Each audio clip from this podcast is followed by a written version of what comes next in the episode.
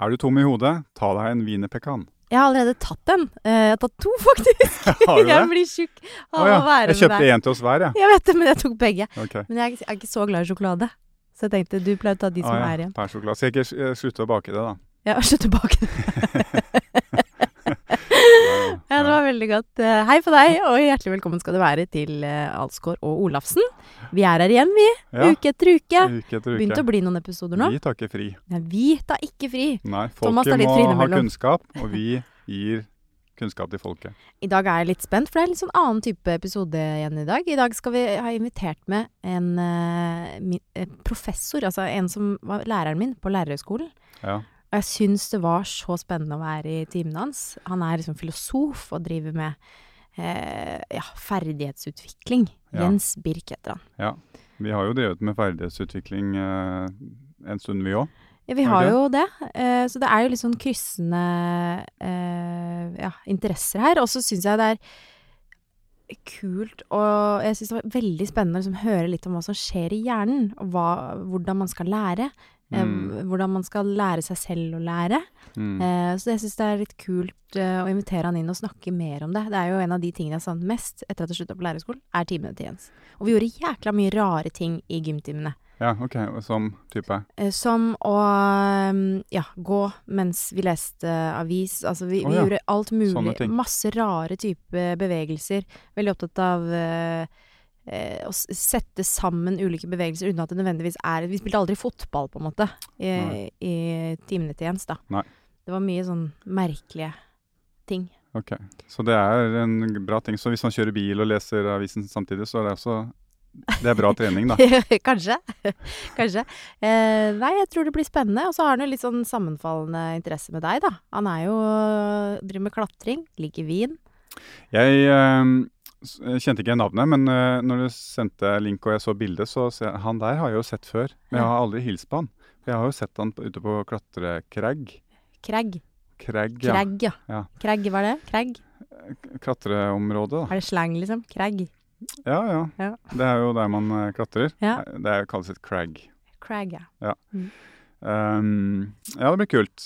Uh, jeg hadde jo ikke forestilt meg at han var professor og doktorgrad og sånn. Det gjør man ikke når man ser en klatrer, eh, for han klatrer hardt. Så han har masse utdannelse. Vi, Ja. vi har litt praksis. Så det, det blir spennende å se hvordan det her eh, ender.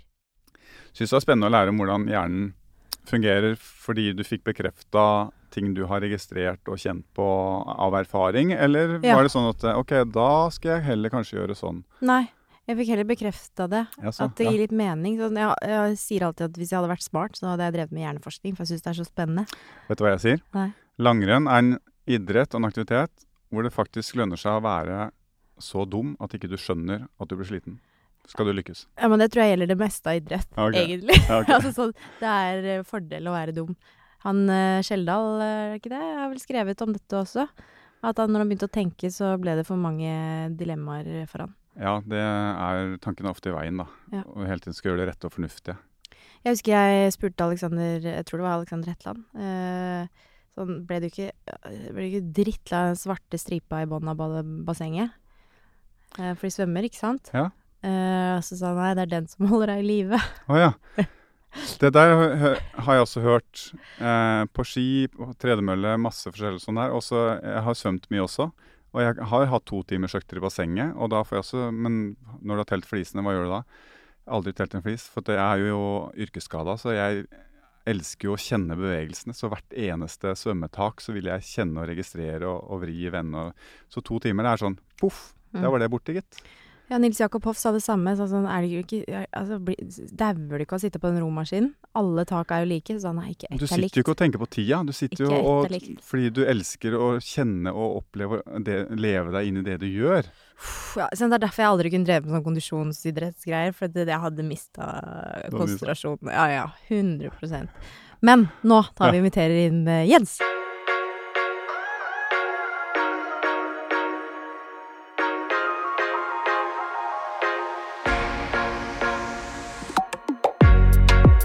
Men uh, da skal jeg iallfall si hjertelig velkommen Ja. til deg, Jens. Uh, hyggelig å ha deg her. Hyggelig å se deg igjen. Takk. Det er lenge siden. Det er lenge siden. Eh, vi eh, snakket jo litt på telefon før du kom, eh, og da eh, husket jeg at du var like krass som det eh, du var da du var min lærer på eh, HiOA, som det het den gang. Eh, for du kom med litt eh, kritikk. Eh, vi, hadde hatt bedre, vi hadde godt av litt bedre struktur i denne poden. Ja. Og det angår selvfølgelig ikke deg, Thomas, Nei. du forbereder aldri noen ting, så det var direkte mynta på meg. Men eh, som jeg husker dine timer, så kom vi oss ikke akkurat gjennom dagsplanen der heller. Det sklei jo ut i det vide og det breie. Jeg, jeg tror det var mer som vi snakket om før den sendingen begynte, da. At uh, det var egentlig en ganske klar og tydelig struktur der. Og gitt at man har det, så er det lettere å improvisere litt, da. Ja, ikke Ja, det sies Sånn, så jo det, bedre forberedt du er, jo lettere er det å improvisere. Det er litt sånn jazz, er det ikke det? jo, det er, Men det er klassisk. Det er først når du har rammer og struktur at du oppnår handlefrihet. Ja.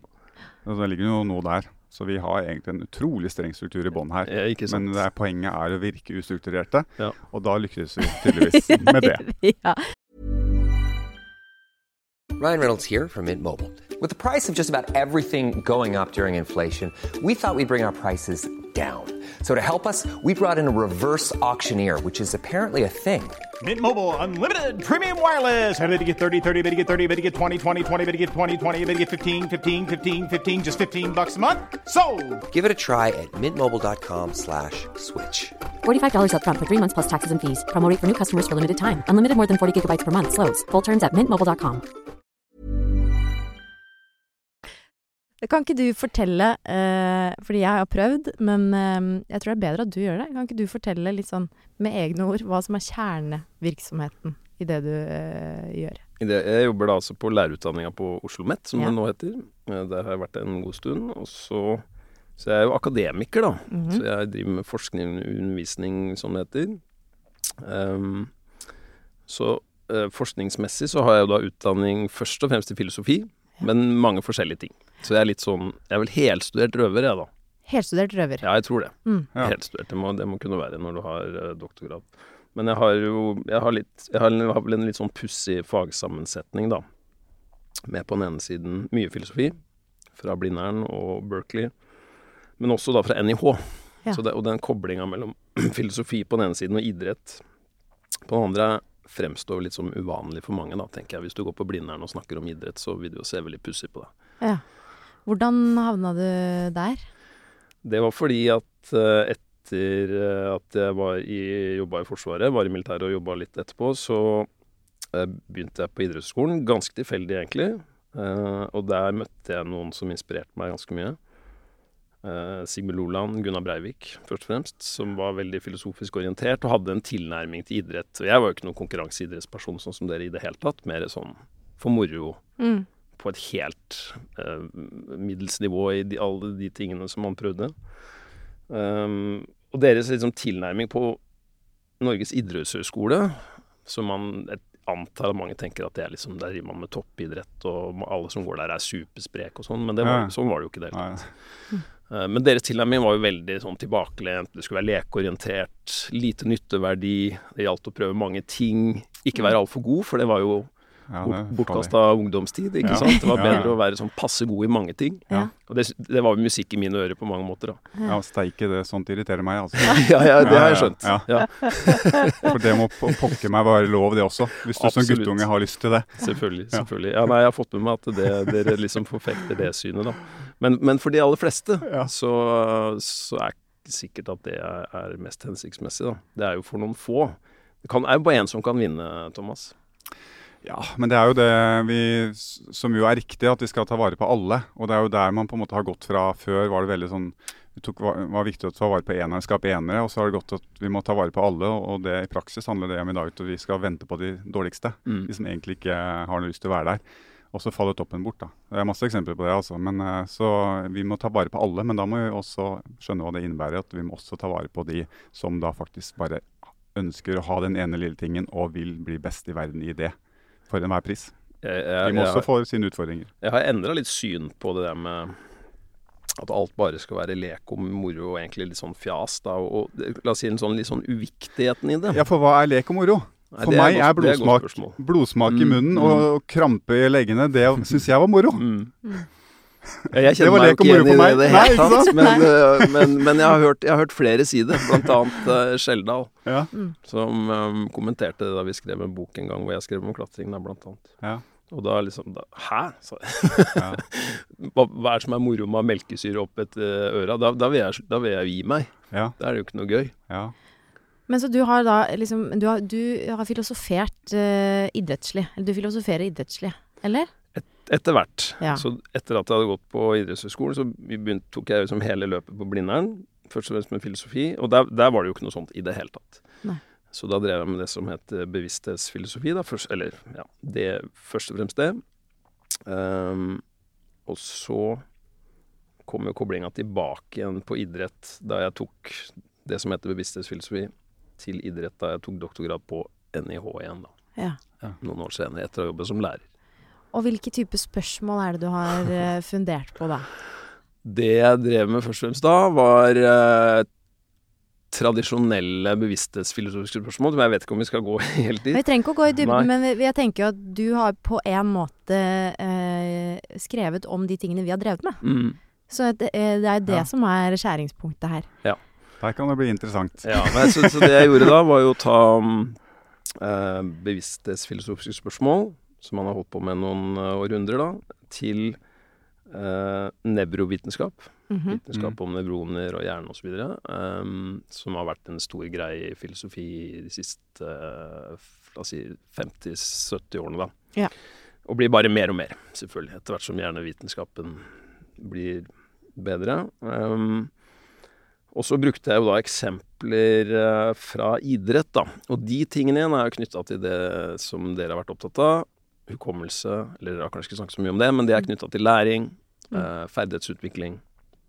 Og her eh, mener jeg jo at eh, toppidrettsutøvere er spesielt interessante fordi de har øvd så mye som er vanskelig å forstå for eh, de aller fleste av oss, og lagt ned så mye i det som, som har gjort noe på visse deler av hjernen når det gjelder ferdighetsutvikling, som igjen har med hukommelse å gjøre, osv. osv. Så sånn at man, jeg tror man, man kan lære mye av uh, Lære mye om både læring og, og hjernen og ferdighetsutvikling, uavhengig av om det er motoriske ferdigheter eller andre såkalt kognitive ferdigheter, Mm. av å prøve å forstå toppidrettsutøvere. Fordi hvis du sammenligner med andre som vi tenker har høyt nivå, da, om det er kirurger eller om det kunne være advokater eller altså vanlige profesjonsutøvere, så har jo de tross alt brukt en forsvinnende liten del på den profesjonen sin i forhold til toppidrettsutøvere. Mm. Det, er, det er jo ytterst få advokater som har drevet med juss. Mm.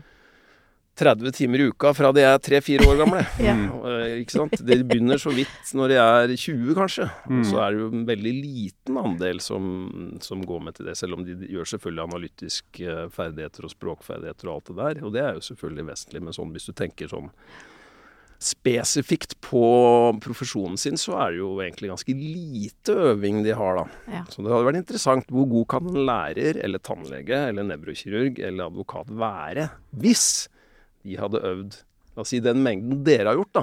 Jeg synes det er interessant, for jeg har drevet Jeg har jo brent for langrenn. eh, Det har vært hjertet og sjela mi siden jeg var tre år, egentlig. Så jeg har ikke vært profesjonell, men jeg har jo på en måte det også, da. Men hatt det som sånn 24 timer i døgnet. Og toppidrett eh, Altså, det går jo veldig fort. Men når jeg var ferdig med det, så har jeg vært heldig og vært involvert i veldig mange selskaper i veldig forskjellige bransjer. Eh, og så møter jeg jo, sitter i styrer og møter andre bransjer og sånn, og der og alle syns jo det går så sykt fort, og det er så stå-på-vilje, og alle vil eh, skape noe hele tiden og sånn. Eh, og så kom jeg da med min erfaring fra å være i herrelandslaget i langrenn på 90-tallet. Hva er det du snakker om å gå fort? Det går altså så tregt, og det er egentlig så liten vilje til å skape eh, utvikling og framdrift. Det er liksom til klokka fire, fem over fire, så er den borte igjen. Og på fredager klokka to. Eh, så det er sånn der, der er det helt riktig som du sier. Altså, det er jo det jeg savner mest i livet mitt i dag. Er jo det å være på et sånt lag hvor alle, absolutt alle, vil så ufattelig mye hvert eneste minutt og hvert sekund av døgnets 24 timer. Det er det eneste Det skjer du er noe hele tida, hver Mm. dag. Det endrer seg mange ganger om dagen. Mm. Uh, det, det, ja, den kreativiteten der, det, er, det har jeg ikke møtt i noen andre bransjer, og jeg har vært involvert i forferdelig mye rart de siste 20 årene.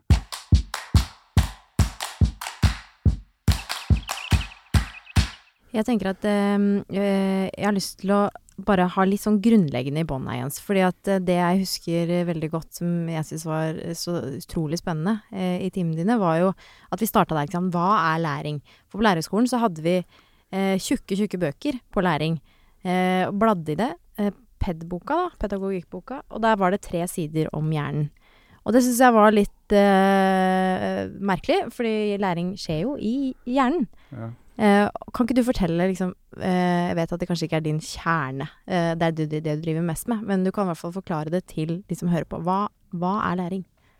Så i pedagogikken, da, som du selv har vært utsatt for, så er det jo relativt enkelt definert som at læring er en endring fra en tilstand til en annen. Ja. Mer eller mindre varig. Ja. Og det er rimelig. Så hvis du skal ha lært noe, så må du kunne gjenta det, um, reprodusere det eh, i en eller annen tid en stund etterpå. Ja. Det er ikke nok at du La oss si hvis du øver på sjonglering, hvis du holder oss til motorisk læring, og så kan du kanskje klare å holde tre baller i lufta mens du holder på, og så klarer du det en halvtime senere, men dagen etter så får du det ikke til, da. Ja, Da har du ikke lært. Eller sånn som med meg som pugga til båtførerprøven for to uker siden. Så Men du har glemt det nå. jeg glemte det nå. Ja, Ja. Så da har du ikke lært det. Nei.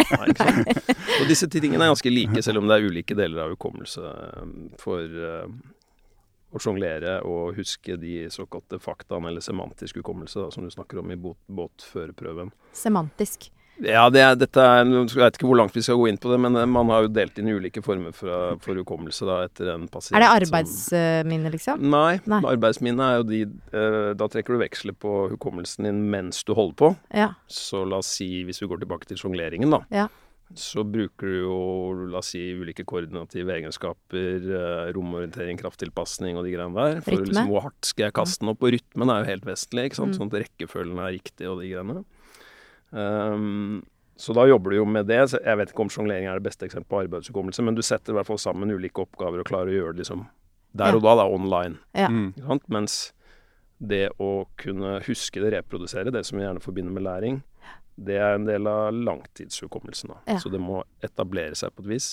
Endringen må være varig. Ja. Mm. Langtidshukommelse. Og for at det skal skje, så må det være det som kalles strukturelle endringer i hjernen. Ja. Så det som kalles synaptisk vekst. Ja, ikke sant. Og dette var jo mitt favorittema. For dette er Det er jo vanskelig. Synaptisk vekst. Ja. Men det må du eh, også forklare. Hva, hva er det? Det er da, enkelt fortalt, så har vi jo disse nevronene i hjernen. da. Mm. Um, og for at de skal være mer effektive, sånn som det forskningsprosjektet du har vært med på, Thomas, hvor du måler forskjellen på topputøvere og middelsutøvere. Ja, med Harald Harung. Ja, Det vet jeg ikke hvem Ja. du var med, men Nei, det er mulig. Ja. Ja. så for at eh, la oss si de eh, elektriske kjemiske signalene i hjernen din skal gå effektivt, og du bruker så få av dem som mulig for å løse en gitt oppgave, for det vil lønne seg, eh, så må de nevronene kobles sammen. Og det gjøres da ved synaptisk vekst. da. Og det vil si liksom- at nevronene får eh, Det vokser ut en ny terminal da, i synapsen mellom nevronene. Og da forsterker de seg, kobler sammen, og eh, fyrer sammen det, det nødvendige settet av nevroner for å gjøre en gitt oppgave. Da. Men disse nevronene, nevronene Mm. den evnen der til å på en måte eh, bruke de riktig, er det noe man er medfødt med, eller kan det trenes opp på et vis? Nei, for det jeg lurer på eh, bare sånn, For dette er vel litt sånn ref det at man aldri glemmer å sykle, ikke sant? Ja, okay. Eh, er det annerledes med, med fysiske ting enn med ting man skal huske? Eller er det også fordi vi har drevet mer med det motoriske, at det er mye mer naturlig for oss? Vi prøver å ta det siste først, da. Det med sykling og såkalt fysiske ferdigheter. Eh, hvorfor er det lettere Eller hvorfor kan jeg sykle når jeg ikke har syklet etter ti år, Ja. men jeg husker ikke de tingene jeg lærte på ungdomsskolen, da, i Mm. historietimen f.eks. Mm. Så det er en forskjell på langtidshukommelse i betydningen at Eller det vi kaller historiske fakta, da, som du lærte en eller annen gang om annen verdenskrig, eller hva det var for noe. Eh, Såkalt semantisk hukommelse, som er en del en type langtidshukommelse. Og så har man jo da klassifisert Det er kritikk mot disse tingene, men man man har vel fortsatt liksom de skillene, da, selv om de er øh, øh, glidende. Uh, så kaller vi jo eh, ferdigheter, skills, og kanskje først og fremst motoriske ferdigheter, for proseduralhukommelse. Det vil si de tingene jeg kan gjøre og gjenta uten at jeg trenger liksom å ha en type refleksjon rundt det. Jeg trenger ikke språkliggjøre dem, eller jeg kanskje egentlig ikke klarer å si akkurat hva, hvordan jeg gjør det, men jeg kan gjøre det. Eh, Hvordan barn lærer motoriske egenskaper er et godt eksempel de. De kan ikke kanskje fortelle det, men det skyldes nok også at de mangler språk for det, da. Men i hvert fall sånn i psykologien så har man jo en idé om at det har foregått eh, gjerne ved implisitt læring, altså uten at man liksom blir instruert ved form av språk. Du, du bare lærer det. og Se, ser, på barn, så ser man jo de tingene ganske godt, da. Eh, så det er to ulike typer langtidshukommelse. Um, muligens. Hvorfor husker man den ene bedre enn den andre? Det er ikke så godt å si, men mest sannsynlig så vil Eller jeg vil jo lene meg på en type evolusjonsmessig forklaring da, om at den visse type perseptuelle og motoriske ferdigheter har vært helt avgjørende for uh, overlevelse og reproduksjon for arten. da. Ja. Så at de er mye, har vært mye viktigere opp igjennom uh, vår arts historie og for de andre pattedyrene enn å huske semantiske fakta. Det er, det det er liksom uviktig for Ja. den type ting. Ja. Så antageligvis så har vi større evne, eller større evne for synaptisk vekst på noen ting enn andre. Og her er det individuelle forskjeller også, selvfølgelig. Mm. Noen har bedre evne for å lære de historiemattegreiene Ja, enn å slå en eller annen dobbeltvolt på et hopp, da. Men det handler jo om interesse også, hva du brenner for. Selvfølgelig. Men, Men, ikke bare det. Altså, jeg husker jo en time Du prøvde Nei. å kombinere dette her, Jens. Vi, vi skulle lese en avis Mm. mens vi gikk, balanserte, gikk gjennom en slags løype. Var det eh, Jeg husker jo det veldig godt, men er det en greie? For at jeg føler jo Det gjør sikkert du også, Thomas, at vi har på en måte vært heldige nok til å kunne eh, bruke kroppen vår som jobb. At vi liksom opplever verden gjennom kroppen, på en måte. Og jeg kjenner jo på at når jeg sitter i møte om å sitte, så jeg klarer ikke å være kreativ. Jeg, hvis jeg tar meg en rolig joggetur i skauen, det er da jeg begynner å tenke. Eh, jeg, kan du ikke fortelle litt om liksom, samspillet der? Kropp, hode, bevegelse, tanker? Det ble mange ting på en gang. Ja. Um, så den, den ser ut til å være noen ideer ute om at uh, hvis du har en uh, type fysisk aktivitet, sånn at du har større blodtilstrømming til hjernen, så er det lettere å lære, huske osv. Det her er det vel litt sprikende forskningsresultater, Mm. og jeg tror ikke man skal undervurdere det å sitte og konsentrere seg om den boka har vel så stor effekt som, at, som å gå rundt og lese den. Nei. Eh, Så det var andre grunner. Så, det, og dette er nok mer kobla til oppmerksomhet og, um, på en ting å ha smalt fokus, da. Ikke sant? Og at det er det, og så har du, må man repetere, osv., osv. Um, så det ser ikke ut til å være noen nødvendighet med fysisk aktivitet for å huske å lære den type faktating som du ikke husker fra historietimene. Det, det tror jeg er en illusjon. Ja. Um, så sånn sett så tror jeg fysisk aktivitet og kognitive egenskaper er overvurdert, da. Men det er jo en kjensgjerning, og det er min erfaring også, og jeg vet det brukes som et verktøy at når du står fast i vanskelige valg eller situasjoner, at Mm. det å, å ta en gåtur Ja. eller en joggetur Ja. med et annet fokus, så plutselig så ramler det noen polletter ned, da. Og for oss er det kanskje da naturlig å gå eller løpe en tur, men for andre kan det være bare å gjøre noe annet. Rette fokus på noe annet, så ramler forrige polletten ned. Så Det kan jo også Altså, når vi- hvis vi går tilbake til læring og synaptisk vekst, så er jo den synaptiske veksten, fordi det er en restitusjonsfase, størst når du sover.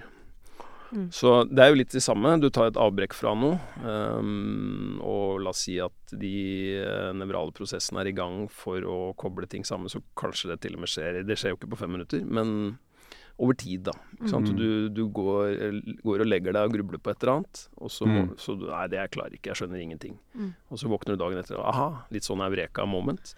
Mest sannsynlig, den, jeg vil ikke si jeg spekulerer, men jeg kan ikke si at det er sånn, men, men mest sannsynlig så har da kanskje den synaptiske veksten skjedd, da. Mens du sover, ja. Jeg så på en sånn eh, Jeg har jo fått barn, eh, og sett på en sånn eh, Netflix-serie om barn. Jeg anbefaler den faktisk. Og da hadde de forsket på barn som sov på dagen og ikke sov på dagen. Da lekte de med en leke som var litt sånn som de lærte å leke med på den ikke-intuitive måten. Og barna som sov eh, etterpå, hadde mye større sannsynlighet for å huske det mm. etter det tidsrommet enn de som ikke sov. Ja. Det høres ikke urimelig ut, da, ut ifra det jeg sier. Ne nettopp. Mm. Så Men- søvn er viktig. Men så, det. Vi snakka om det her med å det er, som å det er som å sykle, ikke sant? Det er et begrep. Men uh, hva handler det om? Handler det om hukommelse i hjernen, eller, eller muskelminne? Og hva er egentlig forskjellen på de to typene for hukommelse og minne? Uh, altså, jeg, nå er jeg ikke så veldig glad i det ordet muskelminne, men, men det er vel de uh, de områdene av hjernen som har med visse motoriske ferdigheter å gjøre, som gjerne sitter i motocortex, som vi kaller det da, eller cerebellum, lillehjernen, som, er, som er, man ofte snakker om som er knytta til balanse og de tingene, ikke sant, som du må ha for å ikke ramle når du går på ski og de tingene der. Um, de koblingene, hvis vi går tilbake til en type sånn evolusjonsmessig forklaring, er viktige, og antagelig så har de fyringene vært sterkere også når, når du har holdt på med det. da. Hvis du tenker første gangen du er ute og sykler, som fire, fem, seks Vi begynte vel ikke før vi var seks-syv, for det var sånn det var den gangen.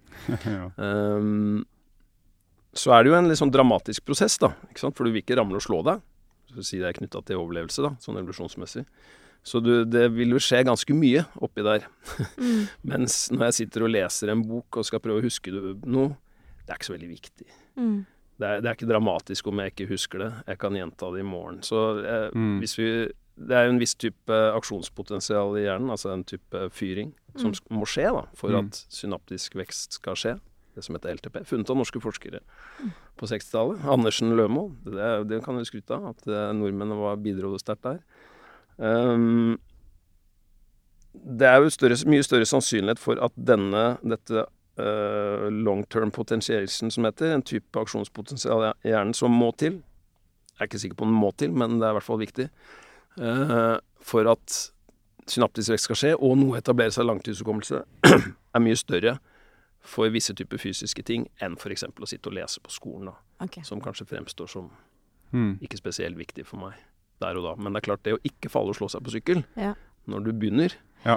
det, det vil man jo ikke. Og så gjør du ganske mye, og du, det, er, det er avgjørende ting, da. Og det samme gjelder jo å kjøre ned en bakke første gang Mm. På ski, eller ikke Ja. Så det er samme prosessen. Eller skøyter, eller hva Vi, det som- måtte være. vi som klatrer, vi sliter jo ofte med høydeskrekk, og det er jo noe som ligger genetivt i oss, eh, for det handler om overlevelse. Ja, sant? Mm.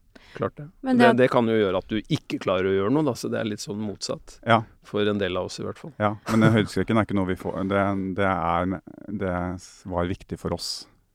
Absolutt. For absolutt. Det er jo liksom noen ting som ser ut til å gå igjen på tvers av kultur og personer som er som folk har frykt for, da.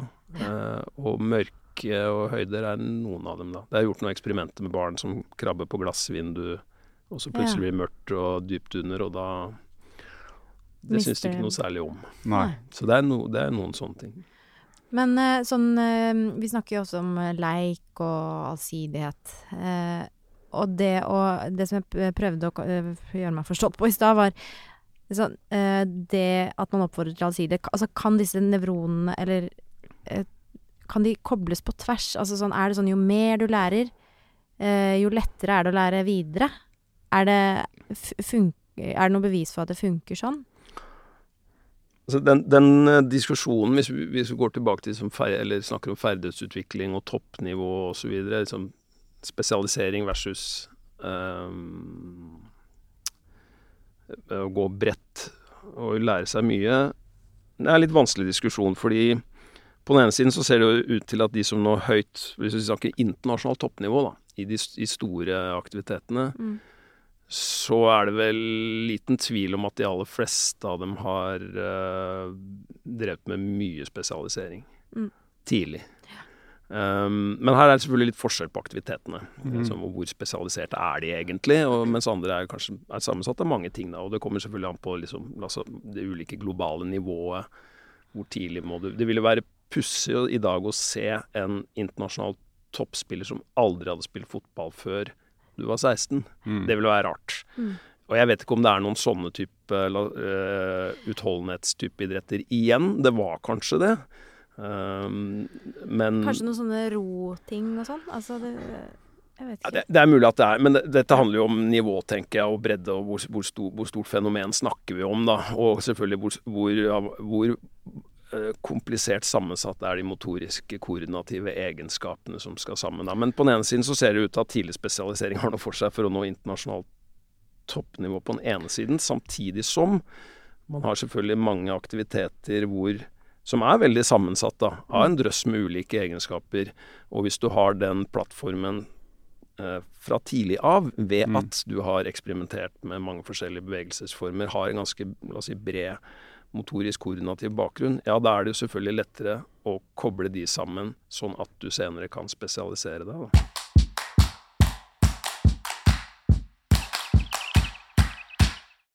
Så hva eh, skal til for å lære? Er det eh, Du må være bevisst.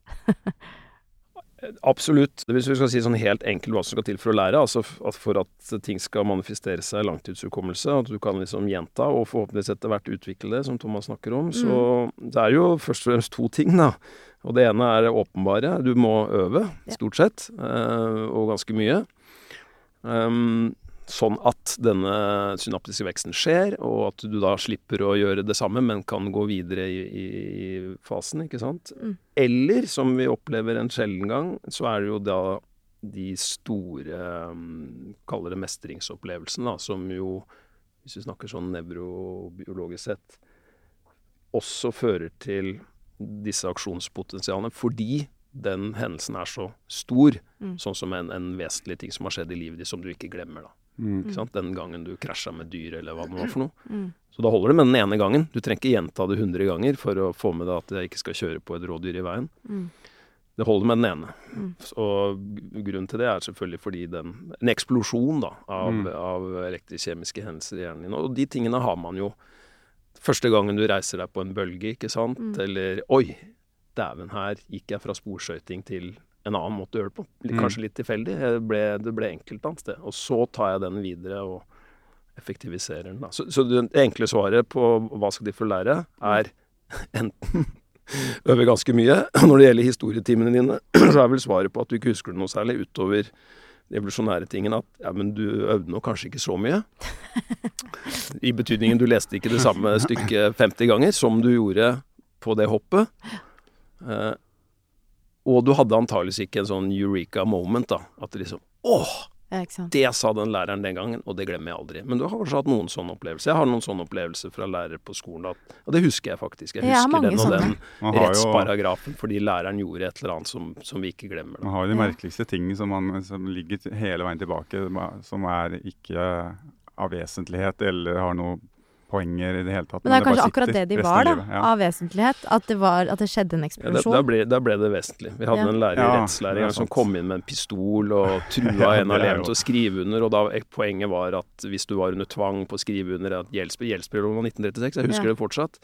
Um, ja, da er den ikke gyldig osv. Så jeg husker den hendelsen, da. Ja. Og det er grunnen til at jeg husker det. Men hvis du ønsker å lære, altså gjøre en, en varig forflytning, enten det er uh, motorisk eller uh, med atferd eller hukommelse eh, Er det gjort noen forskning på hvor lang tid, hva som kreves av oppmerksomhet rundt det før det sitter som et automatisert Altså jeg har jo erfaring, jeg vet hva som kreves av meg for å gjøre en endring i bevegelsesmønsteret i, i skiteknikk, men er det gjort noen forskning på hvor mye oppmerksomhet det krever før det er da læring og sitter permanent?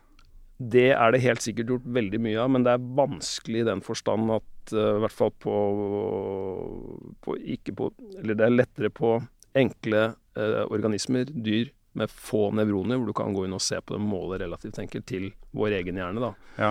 Sånn at det er klart, det er vanskelig å liksom, gå inn og se ja, men her kan jeg se den endringen har skjedd på deg når du gjorde sånn og sånn fra dag 1 til 3 til 8.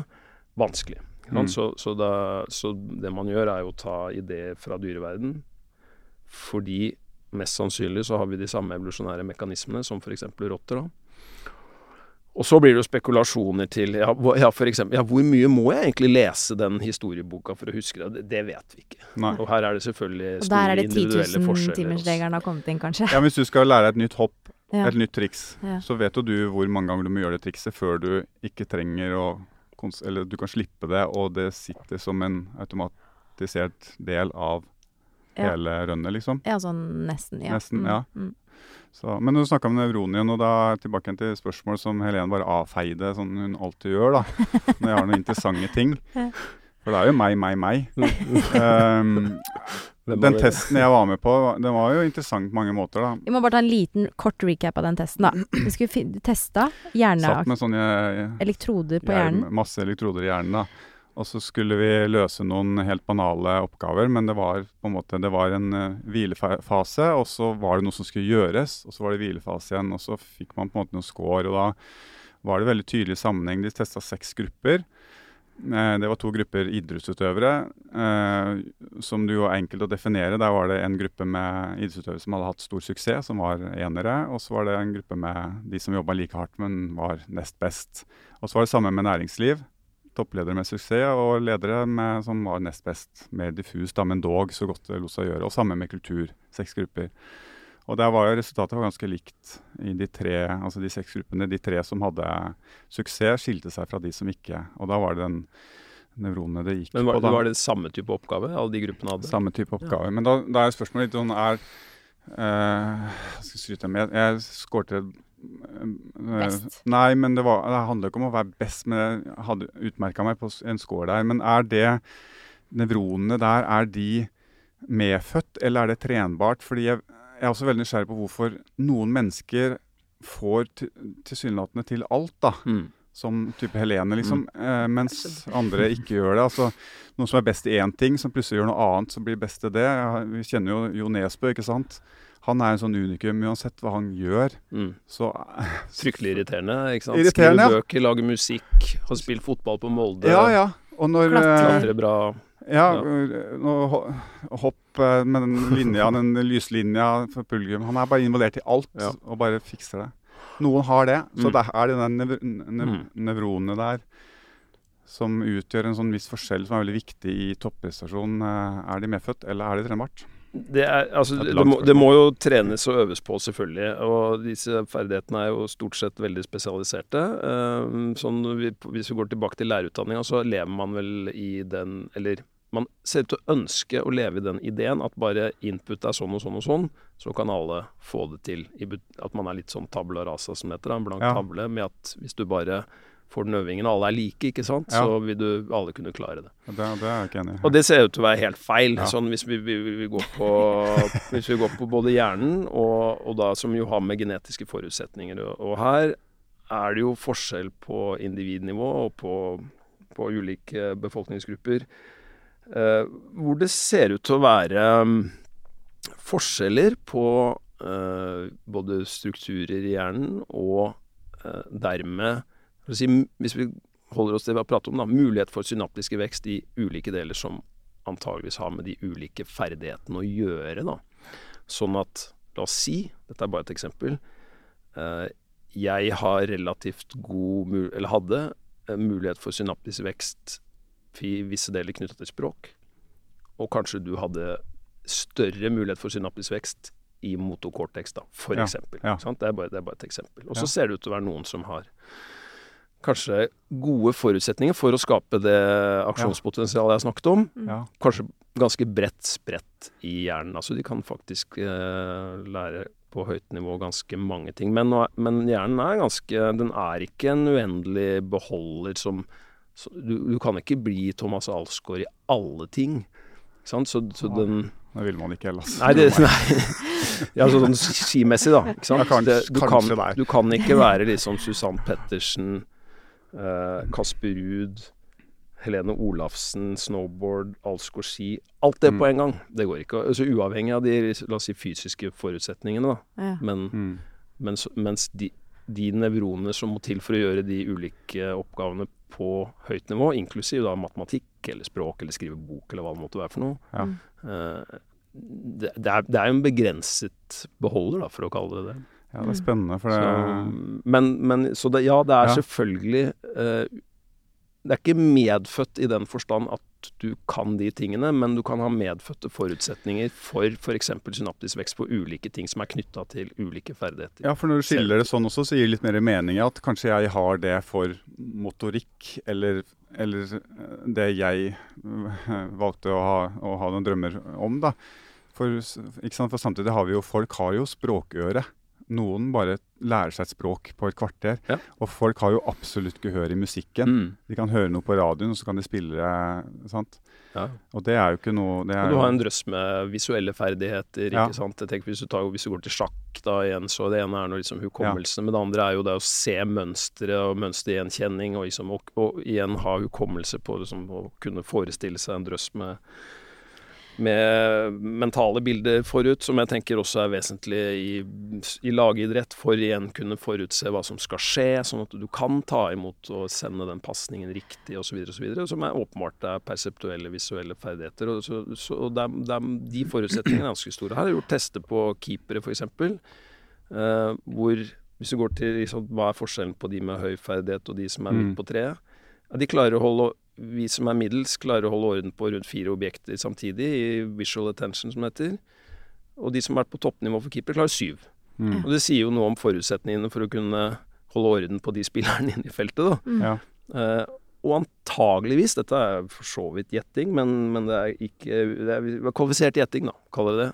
Så har de som klarer syv, hatt bedre forutsetninger fra tidlig, tidlig alder til å kunne utvikle ferdigheter i den sånn at Eller den delen av hjernen har bidratt til at de kunne utvikle de ferdighetene. Sånn at de kan holde orden på flere objekter, da. Som Ja. kanskje er viktigere enn å hoppe høyt eller Ja. reagere raskt. For det var jo Ja. det den testen viste, ikke sant. At du hadde større ro og høyere fyring. Ikke sant? Du hadde større spenn i Ja, det var jo en voldsom bok. Aktivitet. Du har kanskje sett den i og med at du nevner det. da.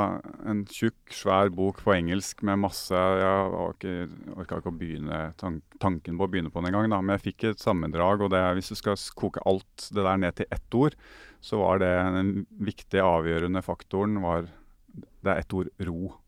Mm. Eh, ro og balanse, da. Og det er vel de kanskje ja. forsøkene viser først og fremst, er at jo høyere nivå uh, du er på Ja. uh, for å løse en gitt oppgave, ja, jo mindre nevral aktivitet trenger du for å gjøre den oppgaven. Da. Ja, og- Fordi det er spesialiserte nevrale nettverk som Ja. må til, og de er myelinisert, som det heter. Sånn at du trenger Myelinisert Nå er jeg tilbake på eksamen. Ja, ja, ja, ja. Men dette husker jeg faktisk. Dette er et slags uh, glidemiddel for hjernenevronene, er det Jeg, ikke? jeg liker å sammenligne det med hvis du har en vannslange, da, som er de akson og den dendrittene som er liksom, si, ledningen da, Ja. mellom uh, nevronene. Så la oss si det er en type hageslange, og den er full av hull, Ja. for den skal sende signaler både her og der. Ja. Så det myeliniseringen gjør, er jo å tette igjen den slangen, Ja. sånn at signalet er sterkere og kraftigere i den retningen du ønsker. da. Ja. Kraften går riktig vei. Da. Men Ja. Så sammenligne med klatring, ikke sant? at du ikke spriker i alle retninger, men den bidrar til å Ja. komme deg oppover, da.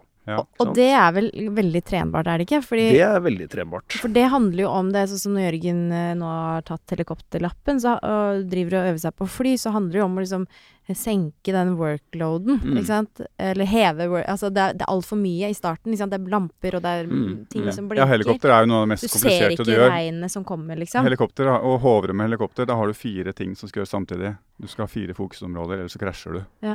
Så, og det, da kan du ikke tenke Da må du, det må sitte automatisert og være en følelse. Og det er jo litt det samme som vi har kjent på når vi er på Skal vi være med på Skal vi danse også, så kommer ikke unna Skal vi danse-eksemplene.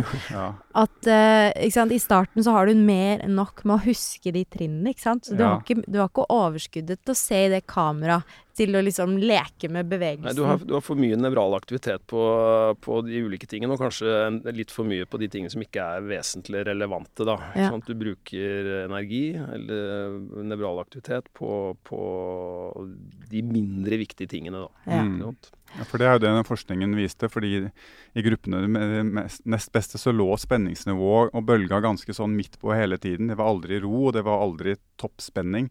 Mens hos de beste så var det mye høyere, altså større kurver. Så når det ikke skjedde noe, så falt nivået spenningsnivået helt ned på null. Og det var helt ro. Og så, når man ante at det brygga opp til noe, rett i forkant, så pika det voldsomt. Og så hadde du en, eh, et bra treff, da, en god aktivitet. reaksjon og riktig reaksjon. Sant? Mm. Mm. Men en ting jeg også husker at vi snakket mye om, uh, Jens, som jeg tenker at folk har litt uh, Som er sånn eh, godt å vite. Er jo, en ting er jo hva som skal til for å lære, men en annen ting er jo hvordan. Ikke sant? Hva, eh, hvordan lærer du, hvordan lærer jeg? Og der er det jo store variasjoner. Ja, absolutt. Ja, så nå har vi jo snakket om ja, sånn, Tilbake til hvordan lærer du. Ja, enten med mye øving eller kanskje noen sånne voldsomme hendelser. Men også er det jo da de andre tingene som dere har snakket mye om, da. Eh, f.eks. i et lag, i et team, hva som skal til. Det er sånn peer group learning, eller være, er i et miljø. Så, så, så der er det jo en drøss med ulike varianter. At man lærer gjennom samtale, at man lærer gjennom å se ting. Observasjonslæring, speil, eller du har Ja. ulike øvingsbilder, rollemodeller osv. Mesterlære. Så så du har jo alle de tingene. Her, her er det litt vanskelig å si ja, hva Her er pedagogikken litt svak, syns jeg, i betydningen ja, men hva er best? Mm. det var greit å vite, da. Mm. Hva, hva, ja, er det nå virkelig sånn at man lærer best uh, sammen med andre, eller er det bedre at en som er ekspert, Mm. uh, guider deg mer, eller hvordan er det nå egentlig? Mm. Eh, og i skolesammenheng så virk, har man jo vel beveget seg fra at instruksjonslæring, altså at jeg, eller instruktøren, da, Ja. viser, og så skal du bare reprodusere det vedkommende gjør, sånn som du kritiserer med langrenn. Og hvis du gjør det som instruktøren gjør, da er det bra. Ja. Uh, og hvis ikke, så må du liksom hentes inn igjen, ikke sant. Så, Ja. Og det, det, det kan være en god bevegelse bort derfra, for, fordi eh, på den ene siden så er kanskje det du lærer av instruktøren ikke overførbart i så mange andre situasjoner. Mm. Sånn at det er vanskeligere å ut, vanskeligere å utvikle, ikke sant? for du er vant til å holde deg i det nivået. Men på den annen side, sånn skolemessig, ja, da lærer du kanskje et minimum med ting, da. Matematikk er vel et godt eksempel. Så den ene, ene tingen er jo Ja, det er klart det er flott å utvikle matematikere som kan eh, lage ny programvare som revolusjonerer teknologi. På den annen side så ønsker du å ha så mange som mulig i det eh, skolesystemet som kan et minimum matematikk Mm. just to get by, da. Så, så det er klart, det er en fin balansegang eh, i la oss si, den borgerlige utdanninga versus toppidrett, da. Og det er vel grunnen til at instruksjonsmodellen har vært ganske levende i skolen. For det er liksom en sånn minste motstandsvei for å sikre et minimum. Men hva som skal til for å komme dit man kan veldig mye mer, ja, kanskje det er noe annet. Ja, fordi altså, skolens mandat er jo liksom å lære At man skal jo lære elevene eh, hvordan de lærer. Altså, Mm. de s- Mhm. selv blir bevisst på hvordan man lærer. Og jeg syns et godt eksempel er sånn Svigerfar har jo hjulpet oss med byggeprosjekt hjemme. Og hver morgen når vi skal gjøre et eller annet på huset, så sier han kan vi ikke ta en kaffekopp og gå en runde og snakke om hva vi skal gjøre i dag. Og så går de tar den kaffekoppen. Her skal vi ha det. Slå inn noe plank der. Bygger vi sånn og sånn.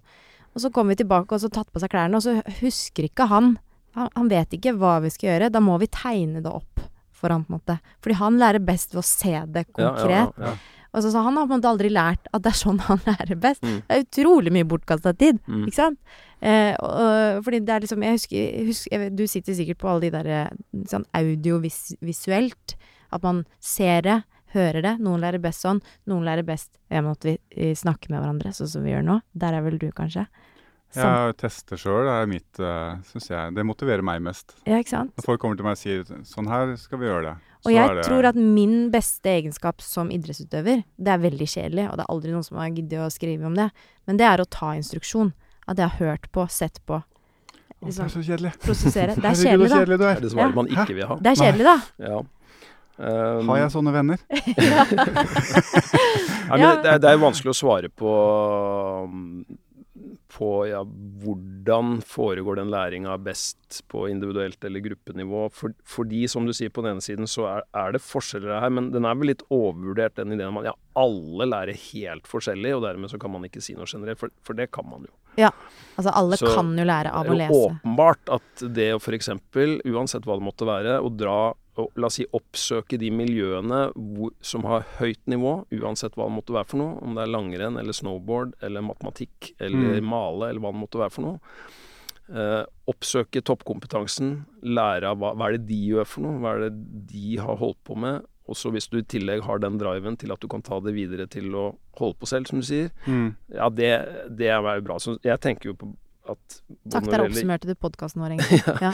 gjelder idrett eller skoleting, ja, hva kan man egentlig gjøre? Hvor mye matte lærer du av fire timer i uka? Ikke veldig mye. Det er jo veldig lite sammenligna med det dere har gjort. Mm. ikke sant? Kanskje det er 30 timer i uka, det er ganske mye.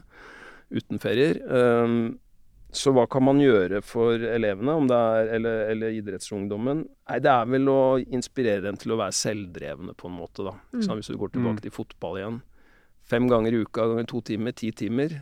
Det høres jo litt mye ut, men det, men det er det jo ikke. Det vet vi jo. Altså Hvis du ser på hva de faktisk har gjort, da. Mm. Men hvis de har tatt den treninga til å bli inspirert, sånn at de er på Løkka 20 timer i tillegg, Mm. ja, da er det bra. Så, og det er vel på en måte det den treneren kan gjøre, da. Eller læreren. Så hvis du kan inspirere eleven til at ja, men jeg går hjem, og så prøver jeg på de vanskeligere stykkene alene. Mm. Det er en bra ting. Men akkurat det som foregår i klasserommet eller på treninga, er kanskje mindre viktig, da. Det, her er jo en sjokkerende forskningsfunn på eksamensresultatet, riktignok, først og fremst på studenter, om at hva som foregår i undervisningstimene, altså om det er seminar eller powerpoint eller elever, studentene skal sitte og skrive i forhold til eksamensresultater, hva er forskjellen? Ingenting. Og det er jo sjokkerende. Men så igjen, hva kan, øh, hva kan underviseren gjøre? Nei, det er først og fremst å inspirere til at studenten, eleven eller utøveren er selvdreven, da. Kunne man ikke vært flinkere til å ha individuell tilpasning i klasserommet også? For f.eks. matte, da, så er det jo hvor det er, kanskje der det er størst forskjeller på den beste klassen og dårligste klassen, så handler det jo veldig mye om vi, å vente inn alle før vi går videre. At de beste som tar det kjapt, de må vente inn de som henger etter og trenger mer personlig oppfølging før de kan gå videre. At en klasse er en klasse, på en måte. Man burde vært flinke til å skille Mattetimene burde vært delt på hvem som er motivert for matte og, og har anlegg for matte. De samles der, mens eh, de som ikke det ligger for, de kan samles der. Også neste time så er det en annen type fordeling. Ja, her, her er det jo uh, i, I opplæringsloven så er det jo vært det Her går det litt politiske svingninger, men i utgangspunktet så er det ikke lo- lo- lov å nivådele.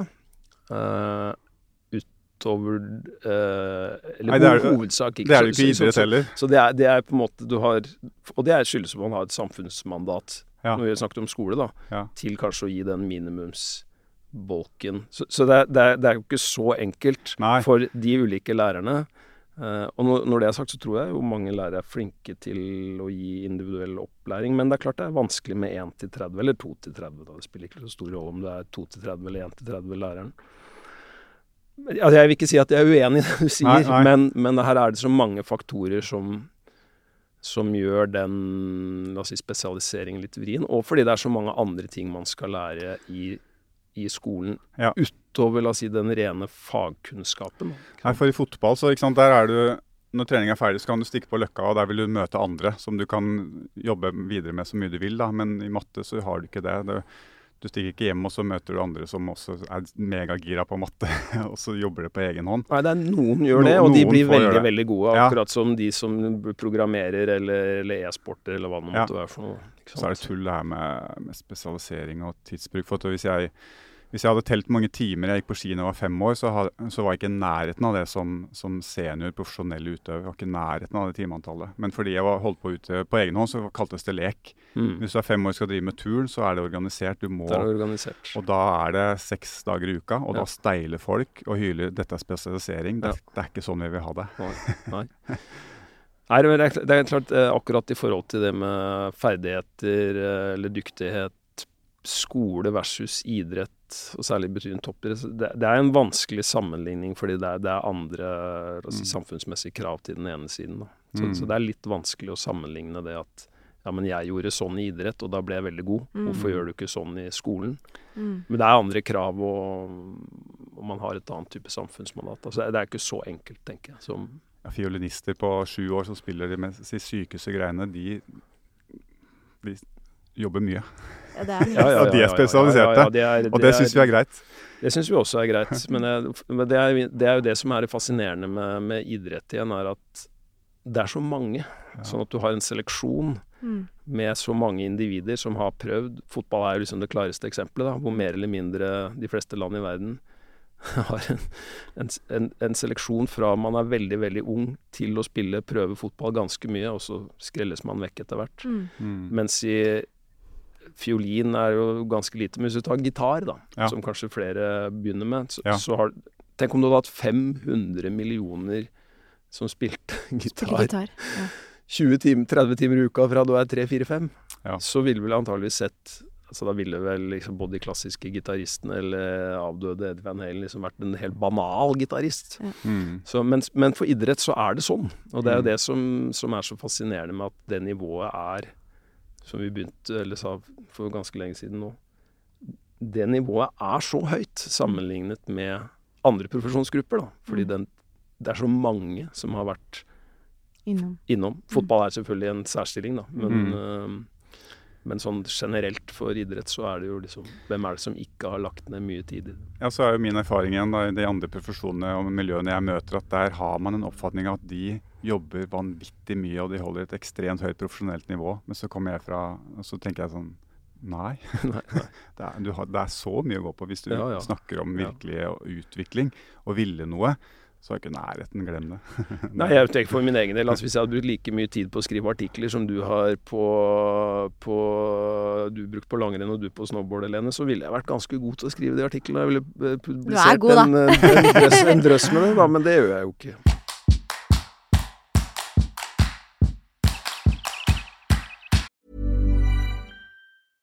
Ever catch yourself eating the same flavorless dinner three days in a row?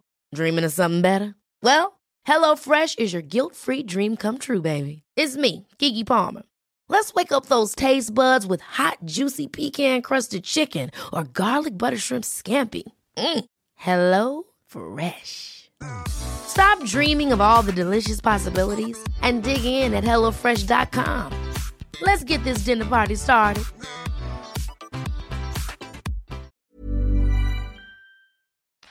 Hva, hva er det du liksom har i løpet av dine år som filosof eh, og på ferdighetsutvikling, hva er det du Er det noe du liksom fikk, Har du fått noen sånne aha-opplevelser? Har du funnet ut noe? er du i mål? Uh, altså Jeg har, ikke, har nok ikke funnet ut noe som helst nytt, men, men, eh, men det jeg har i hvert fall prøvd å gjøre, er vel liksom å ta kunnskap om uh, høyt ferdighetsnivå på den ene siden, og særlig da på motoriske eh, koordinative ting, gjerne innenfor idrett, til det og diskutert utviklinga av bl.a. da såkalt kognitive ferdigheter som man driver med i skolen på den andre, da. Og den koblinga har man jo i liten grad gjort, både i psykologi og filosofi, fordi man har hatt en idé om at eh, ja, men det ene er veldig, veldig kognitivt. Mm. Eh, Og da sitter man stille i stolen og skriver og regner eller leser og hva det nå er. Og, og den andre er noe for noen tullinger som, som svetter og sikler og Det er liksom noe helt annet. Eh, men det er ikke noe helt annet. Det er veldig mange like uh, trekk, da. For i mitt hode altså sånn, Jeg hadde jo tenkt å bli værende på, på lærerutdanninga. Og Jens inspirerte meg til at jeg fant jo ut jeg, eller hva jeg skulle skrive om på bachelor og master. Eh, Ja. Og da tenkte jeg, for i skolen så er det fem grunnleggende ferdigheter som da gjennomsyrer alle fag. Det er eh, lesing, eh, skriving, regning, og så er det IKT, Mm. og så er det muntlighet. Hva er IKT? Det, dette husker du ganske godt, da. Det sant? Ja. det har, jeg husker noe jeg har lært. Data. Jeg har lært det. Jeg har jo skydd unna data. alt av utdannelse som ilden, så IKT det er data. Det er data. Okay. Men ferdigheter. når vi nå snakker om læring og om eh, liksom, hvor grunnleggende det fysiske er i oss, eh, om, om det er eh, av evolusjon eller hva det er, så, så gir det så lite mening for meg at ikke fysisk aktivitet eller bevegelse er en grunnleggende ferdighet i skolen. Ja. Det var en diskusjon med innføringen av, av de såkalt grunnleggende ferdighetene i 2006. Eh, om da eh, motorisk-fysiske ferdigheter skulle være en del av de grunnleggende ferdighetene. Men det ble det ikke, dessverre. Fordi? Eh, nei, det, det, vet, det kan, kan jeg ikke svare på. Men, eh, for jeg hadde ikke noe med de utvalgene å gjøre, og kjenner ikke til diskusjonene. Men, men jeg antar at den gangen så ble kroppsøving som er faget, og da fysisk-motoriske ferdigheter, eller det kunne godt vært praktisk-estetiske, knytta til kunst og håndverk, musikk osv. Ja. Mm. Eh, de blir jo ofte ansett som uh, annenrangs eh, ferdigheter viktig igjen til, hvis du går tilbake til samfunnsmandatet, fordi de fleste skal nå ut og jobbe en vanlig jobb.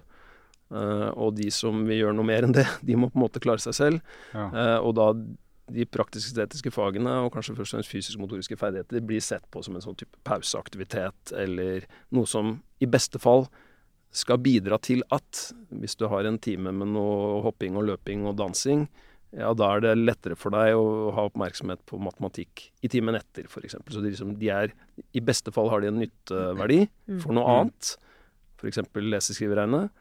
Eh, og, og, om ikke det er det engang, så er det i hvert fall en pause som man ser ut til å trenge. Da. Og det, det, dette syns jeg er veldig uheldig, men jeg tenker på den ene siden at det har verdi i seg selv, Mm. uh, og på den andre siden at Ja, det er, det er veldig som jeg sa i stad, så er den er nok overvurdert den at du, du lærer nok noe mer matte av å løpe fire ganger fire. Det vil være pussig. På samme måte som om uh, Du lærer å gange Det blir 16. Ja, for da må man, hvis det skulle vært en sånn direkte overføring på nevralt nivå mellom utholdenhetsaktivitet og matematikk på den ene siden, ja, det burde vært omvendt òg. Det vil si at hvis jeg sitter og blir veldig god i matematikk, ja, da løper jeg fortere på fire ganger Ja, fire. Og det er åpenbart at du ikke gjør. Og så Ja, burde jeg vært helsike smart. Ja. Mye smartere enn jeg. ja. ja, men jeg tenker mer sånn at kanskje eh, skolene ser litt annerledes ut, da. At ikke pultene hadde stått der og invitert til stillesitting hele dagen. At den kanskje ja. hadde passet for flere. Ja. Og at det kanskje hadde vært mulig å liksom organisere eh, læringa annerledes. At det hadde vært mer naturlig å stå eller gå Ja, ja. eller Ikke sant. Det, det er jo Ja, det, det her sitter jo i en masse tradisjoner fra Det er jo et sånn gammelt sånn militært prøyssisk system, dette med klasserommene. Og du har linjer som geværlagene, og så har du liksom uh, troppføreren som læreren i midten, og du holder orden Ja, ja. på dem på den og den måten, ikke sant. Ja. Så det er gammelt 1800-tallssystem, og du har de gangene med de ulike Hvis du sammenligner klassene med troppen, og så har du kompaniet som Ja. Ja, så det, det, her sitter jo igjen en masse føringer. Um, og det, det baseskoleprosjektet var vel en slags idé om å gjøre det du snakker om, som man ikke fikk til. Og det tror jeg mye av Nå kan, kan ikke jeg noen baseskoler, altså, men jeg vil jo tro at problemet er at ingen av de lærerne som skulle utøve baseskole, har selv gått på en baseskole. Eller noen, de har bare sittet, de ved de pultene. Det er det de kan. Ja. Og da er det vanskelig å gå på todagerskurs i Sverige, og så skal du liksom Drive baseskole. ja, det, det går jo ikke. Jeg har gått på baseskole. Vi ble Ja. veldig glad i hverandre, men eh, ja, det var merkelige greier. Jeg har jo barn som har eh, gått gjennom eh, barneskolen, og hun, eh, hun minste går jo opp i fjerde klasse nå, og jeg vet jo hvor, hvor mye de sliter med uro Ja. i klasserommet. Fordi barn i den alderen har uro i kroppen, og noen har jo diagnose på det, men, men alle har den uroen. Da. Så det er sånn, eh, kan vi ikke snart i hvert fall begynne å tørre å tenke tanken på å løse det på en annen måte? Jeg tenk, tenk, det, er noe med den nedprioriteringen av viktigheten ved Jeg vil ikke kalle det fysisk aktivitet, da, men, for, men det å ha, ha eh, gode, allsidige motorisk koordinative ferdigheter som noe viktig eksistensielt sett. Da. Ja. Og hvis du tenker uh, framover i tid altså Jeg liker både å lese og skrive, og delvis å regne også. Uh, men jeg, men har, det har ikke løftet eh, livsverden min noe sånn voldsomt opp igjennom. Jeg tviler på at det gjør det når jeg er 70. Selv om jeg setter pris på å lese og skrive, da. Det er Ja. klart. Uh, musikk kunne gjort det, Ja. eller gjør for så vidt det. Så, så ikke sant, den tror ikke, det, er, det er ikke noe som har kommet fra skolen at jeg er glad i musikk, men, men, men det har en viktig uh, individuell eksistens eksistensialistisk komponent, da, Ja. musikken. På samme måte som jeg mener fysisk-motoriske ferdigheter har. Den, den delen av det burde løftes mye eh, lenger fram. Da. Så det ene, ene er jo liksom det å bli en god samfunnsborger, og du må kunne lese, skrive, regne litt, Ja. og kunne litt IKT Ja. for å bidra i samfunnet. Det er ålreit. Mm. Uh, men for deg, den enkelte eleven, nå mener jeg ikke at uh, fysisk aktivitet er noe som altså, det, det er åpenbart en del som, som ikke vil trives så godt med det, og de, de trenger, trenger ikke bli pusha på det alt mulig. Men, men for veldig veldig mange da, så ser det ut til å være en veldig viktig komponent av livet deres, som de forhåpentligvis kan holde på med lenge. Og som gjør livet lettere å holde ut, da, for å si det enkelt. Det kan både gi mening på den ene siden, og det kan bidra til eh, både høyere livskvalitet på den ene siden, men også holde la oss si, de aller mørkeste sidene unna. da, For å ha liksom en retning i livet, og det er noe jeg driver med. Vin- Holde ut vinter, for eksempel, for, som for mange av oss er en tøff tid. Ja, for meg Hvis jeg er glad i langrenn, Ja. lettere. Skulle ønske at jeg var like glad i langrenn som klatring, f.eks., for, eksempel, for det hadde gjort vintrene mine lettere. Jeg har blitt et sommermenneske, ja. Vi drar mot slutten, men eh, du var doktor, hadde doktorgrad i filosofi, var ikke det riktig? Og vi eh, vanker jo i klatremiljøet begge der, og der er det jo veldig sånn eh, Det frie mennesket er veldig viktig for å være det frie mennesket for klatrere. Men hva, hva er egentlig det frie mennesket? Finnes det noe fritt menneske? Nå har jeg blitt mer og mer eh, reduksjonistisk eh, på mine eldre dager. Det vil si eh, at jeg blir jeg det, er tydeligere og tydeligere at vi styres av bl.a. evolusjonære eh, mekanismer som vi ikke styrer over selv. Eh, sånn at eh, det såkalt frie valget er nok mye mindre enn det vi tror.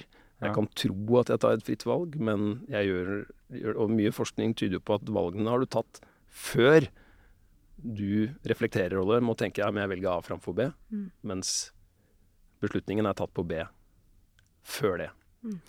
Uh, så det, det ser jo ut til å være mange mekanismer som styrer over oss på en annen måte enn enn det vi er villige til å akseptere. Da.